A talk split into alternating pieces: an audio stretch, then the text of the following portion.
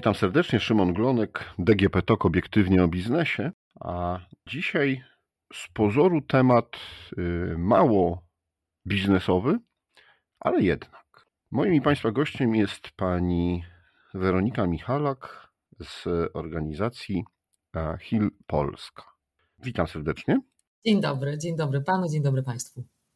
Czym się zajmuje Pani organizacja? Organizacja HIL, czyli Health and Environment Alliance, e, z angielska Stowarzyszenie czy Sojusz na rzecz zdrowia i środowiska, jednak posługujemy się tą wersją angielską tutaj w skrócie HIL, e, zajmuje się analizowaniem czynników środowiskowych. To znaczy, może to brzmieć tak trochę tajemniczo dla osób, które nie wiedzą, co robimy, ale przyglądamy się temu, co środowisko naturalne, w ogromnym stopniu niestety już zdegradowane, niesie w postaci jakich zagrożeń dla zdrowia publicznego e, mieszkanek i mieszkańców Unii Europejskiej. Oczywiście biuro w Polsce zajmuje się tymi zagadnieniami w kontekście polskim. I może trochę, żeby uszczegółowić to, o czym mówię, opowiem o zagadnieniach, które analizujemy na poziomie Unii Europejskiej. E, zajmujemy się tym, na przykład w jaki sposób zanieczyszczenie powietrza, czyli coś, co niestety wiąże się z działalnością człowieka, bo na tym się skupiamy, na tych antropogenicznych czynnikach. E, w jaki sposób zanieczyszczenie powietrza wpływa na zdrowie, jakie generuje koszty zdrowotne, jakie konsekwencje, a także szukamy rozwiązań legislacyjnych, które są w stanie taką sytuację poprawić, czyli po prostu dążyć do redukcji emisji, e, w tym przypadku zanieczyszczenia powietrza. Ale to nie wszystko. Zajmujemy się też zmianą klimatu. E, i tym, w jaki sposób różne konsekwencje zmiany klimatu wpływają na zdrowie mieszkańców i mieszkanek różnych krajów. E, w zasadzie nawet wszystkich krajów świata, bo analizujemy to często w szerokim kontekście. E, Biuro Brukseli zajmuje się też zagadnieniami chemikaliów, pestycydów, czyli substancji, które nie powinny się znaleźć w środowisku i właśnie tym, jak one zwrotnie działają na nasze zdrowie. Często w procesach produkcji jakichś substancji, czy, czy produktów, czy w różnych cyklach produkcyjnych, nie zdajemy sobie sprawy, że to, co zostaje śladem w środowisku, potem przez długie lata czy dziesięciolecia po prostu degraduje nasze zdrowie. E, I my analizujemy badania naukowe, które dotyczą właśnie takich e, zjawisk, komunikujemy je i staramy się docierać do osób decyzyjnych, mówiąc im: uwaga, ok, mamy takie substancje, e, one są wypuszczane do środowiska, ale na dłuższą metę powodują takie, takie, takie i takie szkody w zdrowiu i generują takie koszty zdrowotne. Często nauka, badania naukowe łączone z myśleniem o tym, żeby faktycznie coś zmienić. Naukowcy działają często w swoich własnych kręgach i wyniki badań nie są w stanie przebić się do szerszej świadomości odbiorców i do decydentów. Czyli my pełnimy taką funkcję łącznika pomiędzy nauką i rzecznictwem e, w kwestii wpływu czynników środowiskowych na zdrowie publiczne. Czyli czasami tłumaczycie też z takiego języka naukowego, który jest no, hermetyczny z powodu swojej specyfiki, na język polityczny na język też taki powszechny, codzienny. Jak najbardziej tak. E, tłumaczymy naukę, często to są skomplikowane, trudne badania, czy wyniki tych badań, które no nie są w stanie być poprawnie interpretowane przez osoby, które się nauką nie zajmują, siłą rzeczy, e, czy przez polityków, przez y, samorządowców, ponieważ wiadomo, że każdy z nas ma no, bardzo wiele zazwyczaj obowiązków, które są związane z wykonywaną przez niego pracą i, i no nie jesteśmy w stanie, będąc załóżmy burmistrzem i zarządzając gminą, społecznością, jaką, jakąkolwiek, tak naprawdę poświęcać jeszcze długich godzin na to, żeby analizować skutki zdrowotne zanieczyszczeń powietrza, podejmując decyzję o tym, jakie środki wprowadzić, żeby, ta, żeby ten smog czy to zanieczyszczenie powietrza redukować. Jesteśmy takim, takim łącznikiem i staramy się to tłumaczyć, to przekładać na jak najprostszy język często no, prowadzi on do takich dużych uproszczeń, ale, ale jednak no, musimy w jakiś sposób syntetyzować. No mamy nadzieję, że trafia. W Polsce zajmujemy się zanieczyszczeniem powietrza i zmianą klimatu. No i o tym, tak, i o tym właśnie pierwszej części, czyli o zanieczyszczeniu powietrza chciałem dzisiaj porozmawiać, dlatego Panią zaprosiłem. Mówi się na to popularnie smog. Dzisiaj informacje z Krakowa, z Katowic to takie no, zatrważające to y, jeśli taką skalę mamy obrazową, gdzie ta jest zielona buźka, która mówi, że powietrze jest y, ok, później tam te żółcie, pomarańcze, to dzisiaj wszystkie alerty dla tej części Polski pokazują e, buźkę czarną i to taką rozgniewaną, a wręcz e, chyba już zasmuconą. trochę nawet można by powiedzieć, że umierającą od tego powietrza. I właśnie chciałem zapytać, czy smog jest jeszcze modny? Czy jest modny? My, ja, ja, się czasami gorzko śmieję, że mówiliśmy o smogu jeszcze zanim to było modne, bo, bo już od prawie 10 lat w Polsce. No jest to problem nierozwiązany. I jest to problem, z którym troszeczkę już się osłuchaliśmy. No właśnie, bo mamy tyle ważnych tematów. No, ocieplenie klimatu, jakoś tam powiązane.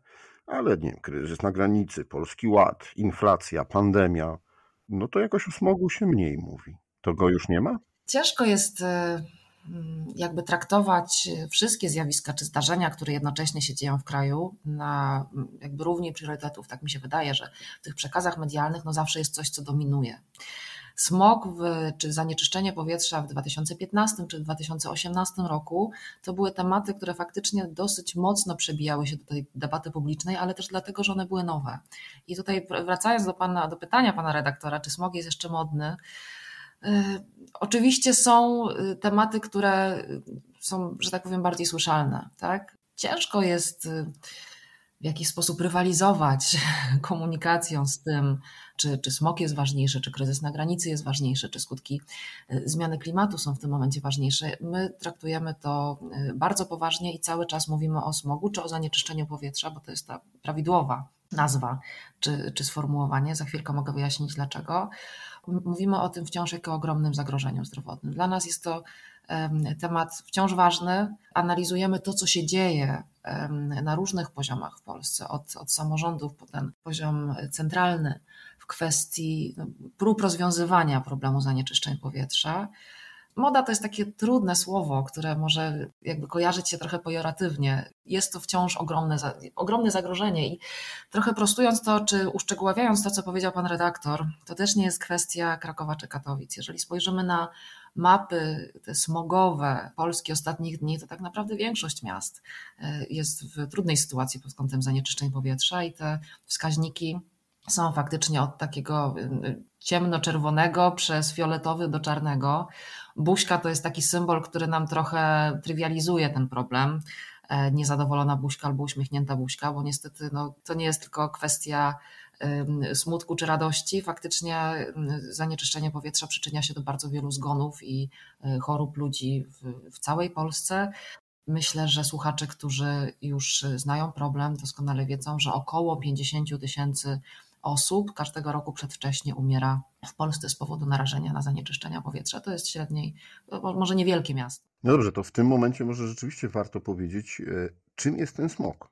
Skąd, skąd on się bierze? Czy to zanieczyszczenie powietrza to jest, nie wiem, palenie w piecach domowych, czy to jest palenie w fabrykach, w elektrowniach, w elektrociepłowniach, e, a może to jest z aut?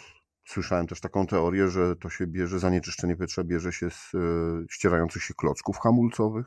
To wszystko jest prawda, co pan redaktor powiedział. Tych źródeł jest kilka.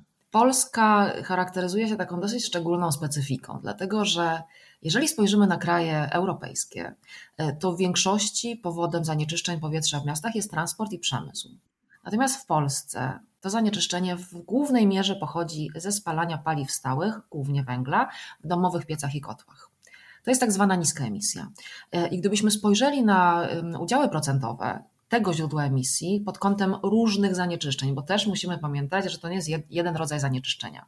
Są pyły zawieszone, są metale ciężkie w powietrzu, są różnego rodzaju gazy, czy tlenki siarki, tlenki azotu. Mówimy też o zanieczyszczeniu powietrza ozonem, głównie w okresach letnich, co wynika z, z emisji dwutlenku e, azotu i narażeniu na wysokie temperatury. Więc to jakby jest osobny rozdział, który tutaj możemy analizować, jakiego rodzaju substancje w większości spalane są z jakiego źródła. Niemniej jednak w Polsce głównym źródłem e, tych pyłowych zanieczyszczeń zwłaszcza najgroźniejszego pyłu zawieszonego, tak zwanego PM2,5, czyli pyłu o takiej najmniejszej e, frakcji e, do 2,5 e, mikrometra. To są, to są niezwykle małe cząsteczki, które są w stanie przenikać do ciała człowieka i powodować wiele stanów patologicznych i chorób. One są głównie, w głównej mierze właśnie emitowane z tak zwanej niskiej emisji. Drugim źródłem zanieczyszczenia pod kątem tego udziału procentowego jest transport. Ale tu historia też nie jest taka prosta, ponieważ y, ten udział procentowy zmienia się w zależności od obszaru. Transport jest dominującym źródłem zanieczyszczeń, na przykład w Warszawie, ale już nie jest w małych miejscowościach, gdzie w większości e, pali się w piecach e, domowych węglem i to zanieczyszczenie pochodzi właśnie z tej wspomnianej przeze mnie niskiej emisji. I trzecim źródłem zanieczyszczenia, kolejnością, o którym mówimy, jest energetyka i przemysł, I on wygląda nieco inaczej pod kątem emisji, ze względu na to, że często już mówimy o tym, że instalacje przemysłowe już posiadają pewnego rodzaju filtry odsiarczające, odpylające. Emitowane są na wysokości powyżej 40 metrów i to nazywamy tak zwaną wysokoemisją, w odróżnieniu do tej niskiej emisji poniżej 40 metrów. I substancje, które są emitowane w wyniku spalania paliw stałych w procesie przemysłu i produkcji energii, to są również pyły, to są na przykład tlenki siarki, e, ale w ogromnej mierze mierze substancjami, o, których musimy pamiętać, o których musimy pamiętać, są też gazy cieplarniane. I tu zahaczamy z kolei o temat już zmiany klimatu. Osobny, odrębny temat, o którym oczywiście moglibyśmy rozmawiać e, w całym odcinku pewnie innego podcastu. Jest jakiś pomysł i myślę, że, e, że spotkamy się jeszcze. No, mam nadzieję, bo to też ważny temat. Ale chciałabym jeszcze powiedzieć a propos klocków hamulcowych czy tych unosów pyłów z drogi, to też jest prawda. Też część zanieczyszczeń z transportu faktycznie to są zanieczyszczenia, które są wynikiem ścierania opon czy ścierania klocków hamulcowych, e, a też powodem jakby ich jakby powrotu do powietrza, tych pyłów, które osadzają się na drogach, jest po prostu unos, czyli, e, czyli sam fakt, że samochody rozjeżdżają pyły, które już są na drodze, wzbijają je znów w powietrze i, e, i one się tam znajdują, mogąc docierać do dróg oddechowych człowieka. I to wszystko jest prawda. Nie, nie ma czegoś takiego, że są teorie o tym, że tutaj to jest, znaczy pewnie istnieją, tak, ale, ale że to jest transportu, albo teorie o tym, że, że problem dotyczy energetyki, albo tylko niskiej emisji. Jeżeli przyglądamy się problemowi zanieczyszczenia powietrza w Polsce, to musimy po pierwsze pamiętać, że źródeł jest kilka, po drugie pamiętać, że różne substancje emitowane są z różnych źródeł, a po trzecie pamiętać, że ten podział procentowy różni się w zależności od obszaru czy od miasta.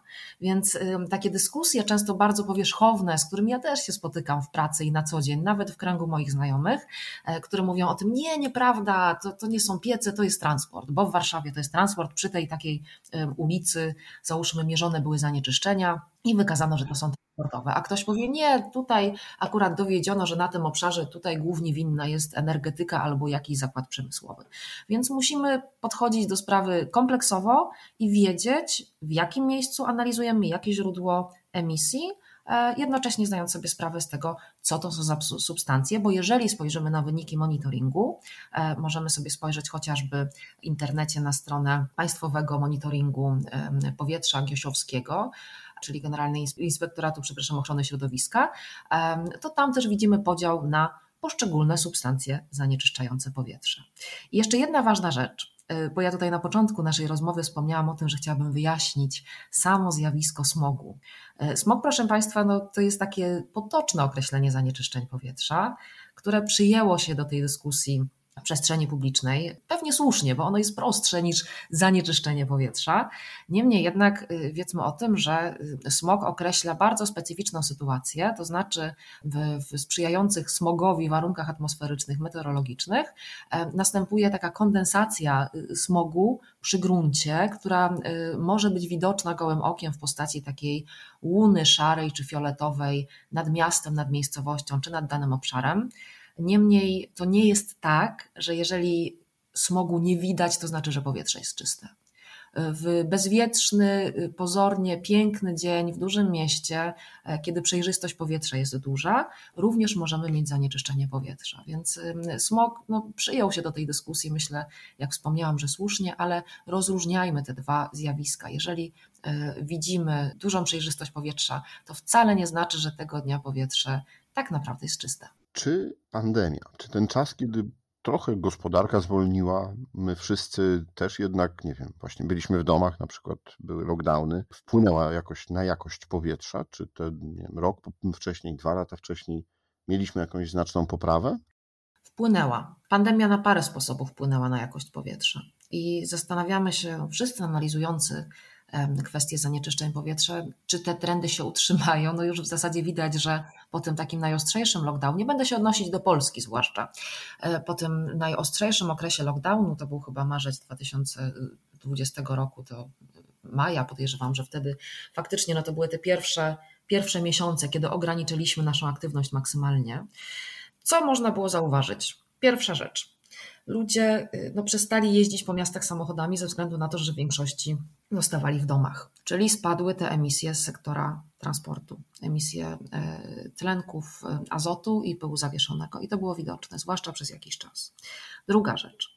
Ze względu na to, że ludzie zostali w domach, no to wydawałoby się, znaczy inaczej, pozornie wydawałoby się, że ze względu na ograniczenie aktywności te emisje spadną, ale w miejscowościach, gdzie pali się węglem w domach, jeżeli ktoś przebywa w tym domu całą dobę, no to stara się, żeby e, utrzymywana była taka sama temperatura powietrza, e, żeby utrzymywane było ciepło w domu, więc niestety zauważono, że te emisje wręcz wzrastają.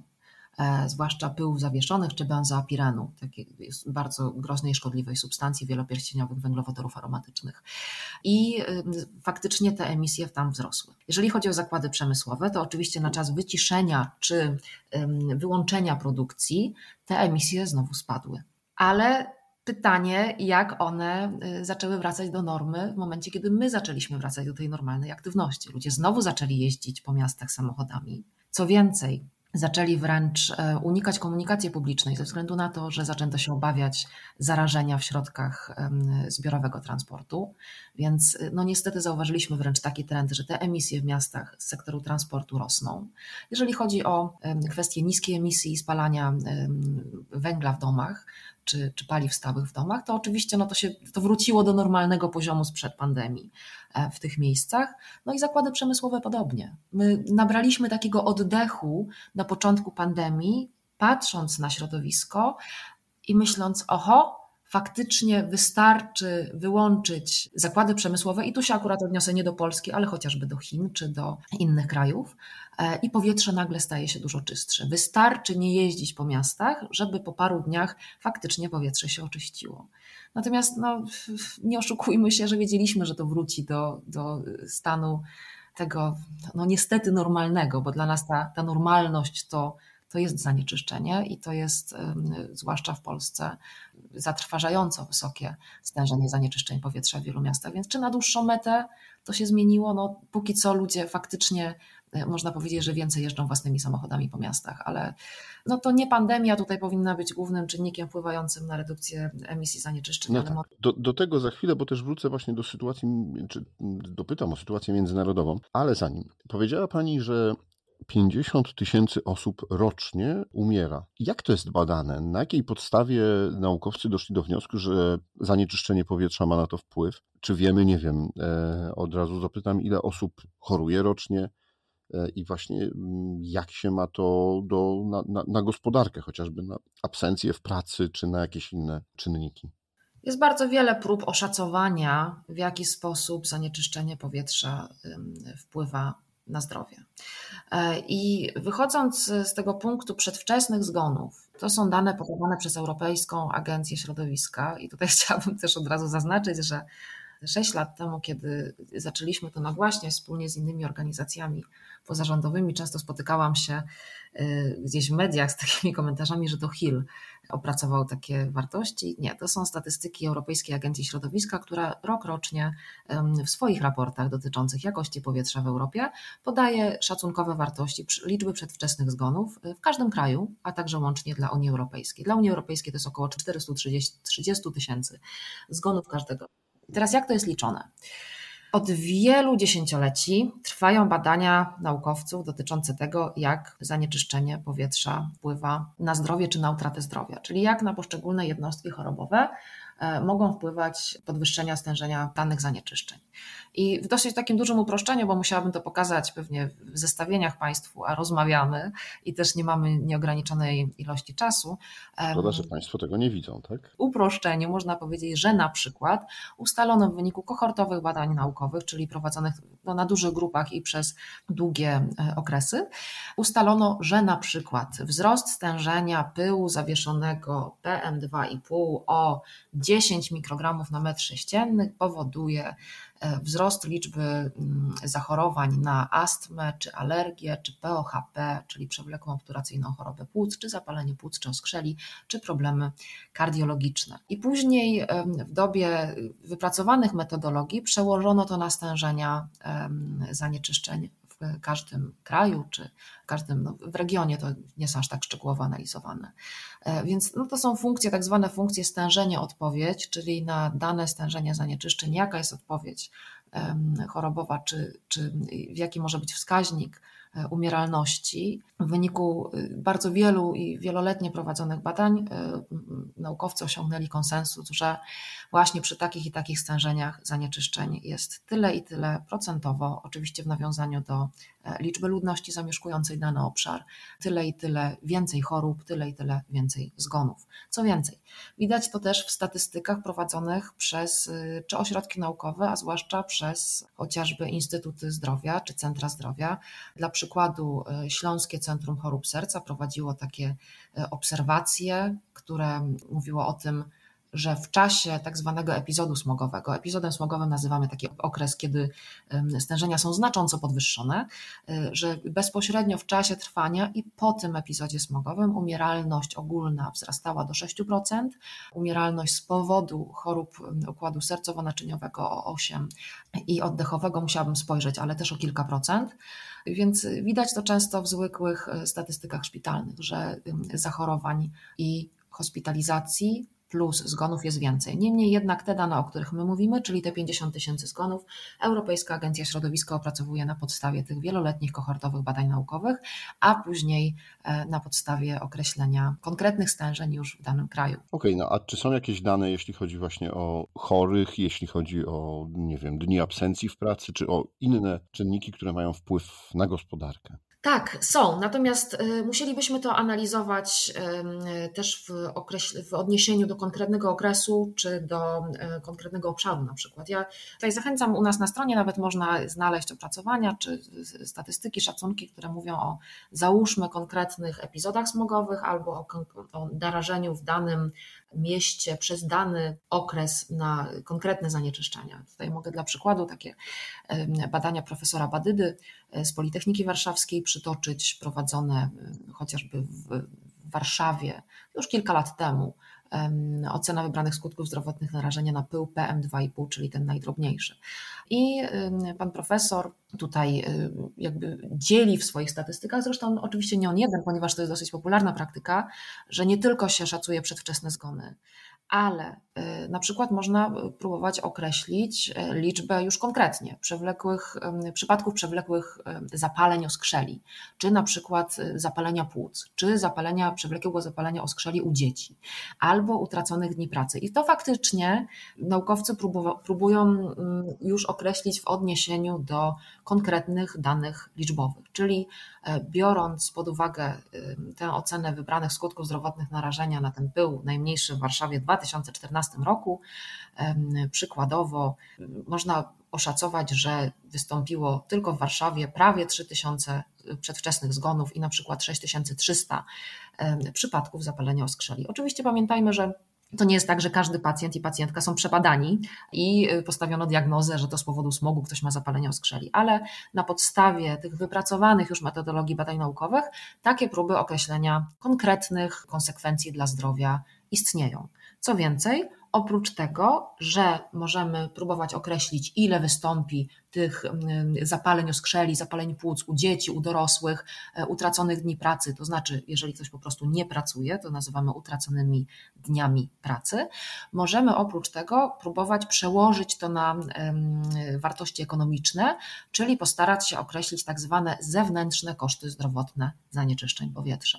E, I tutaj częstą praktyką jest podawanie zakresów, to znaczy od jednostkowego minimalnego kosztu do jednostkowego maksymalnego kosztu kosztów ze względu na to, że jakby jest to y, też próba oszacowania tych wartości.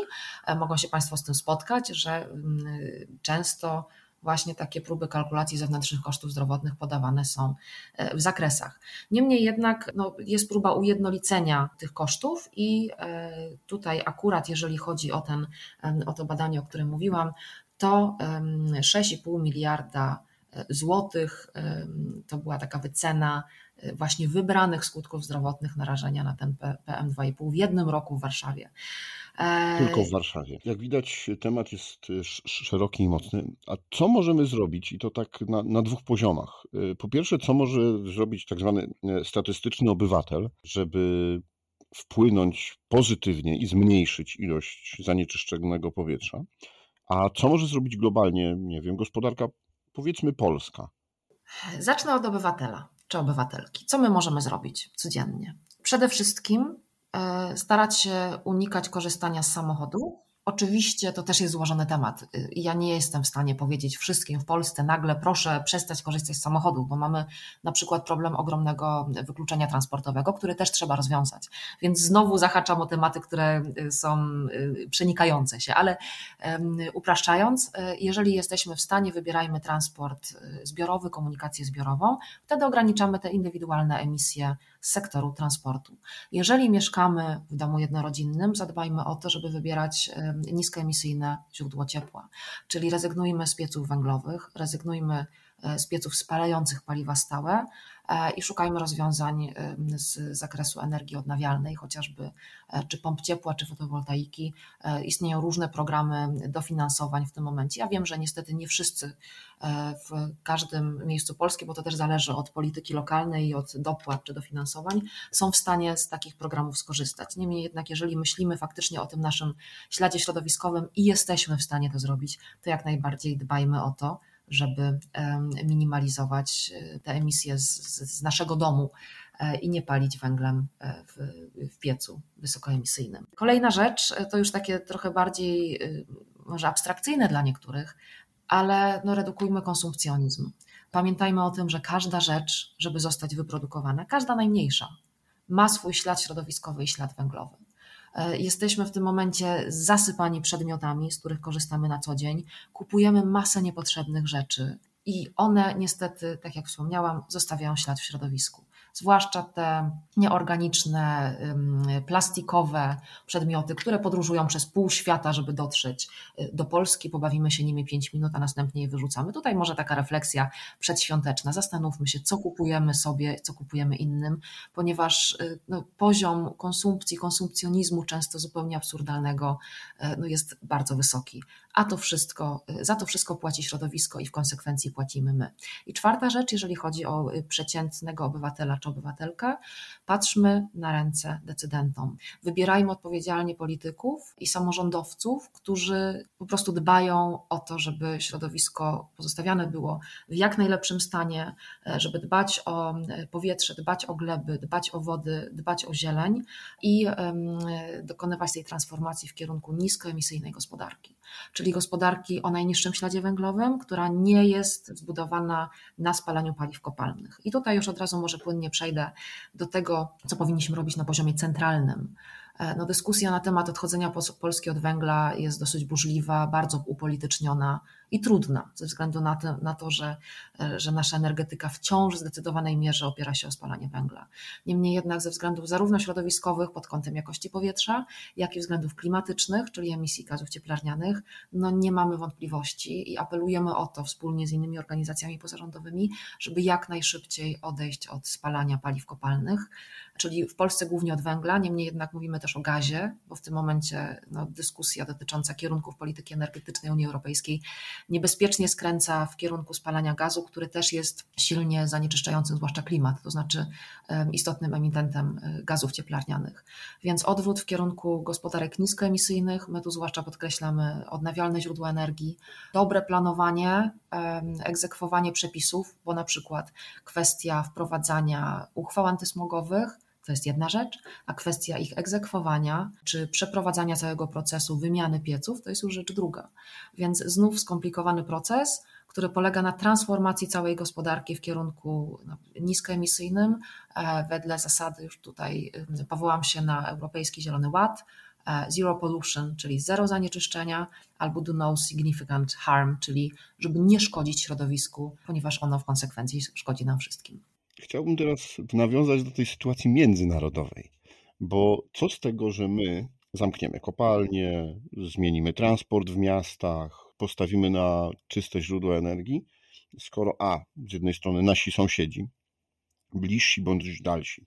Niemcy, Czesi, Słowacy, albo gdzieś, nie wiem, Chorwacja czy, czy inne kraje niekoniecznie będą tak szybko to robiły. A z drugiej strony, co z tego, że Unia Europejska, nawet jako całość, doprowadzi do takich e, zmian, skoro właśnie Chiny, czy Ameryka Południowa, czy Indie nie będą szły w tym kierunku i e, nadal będą korzystały z źródeł energii, które no, są słabej jakości i zanieczyszczają powietrze.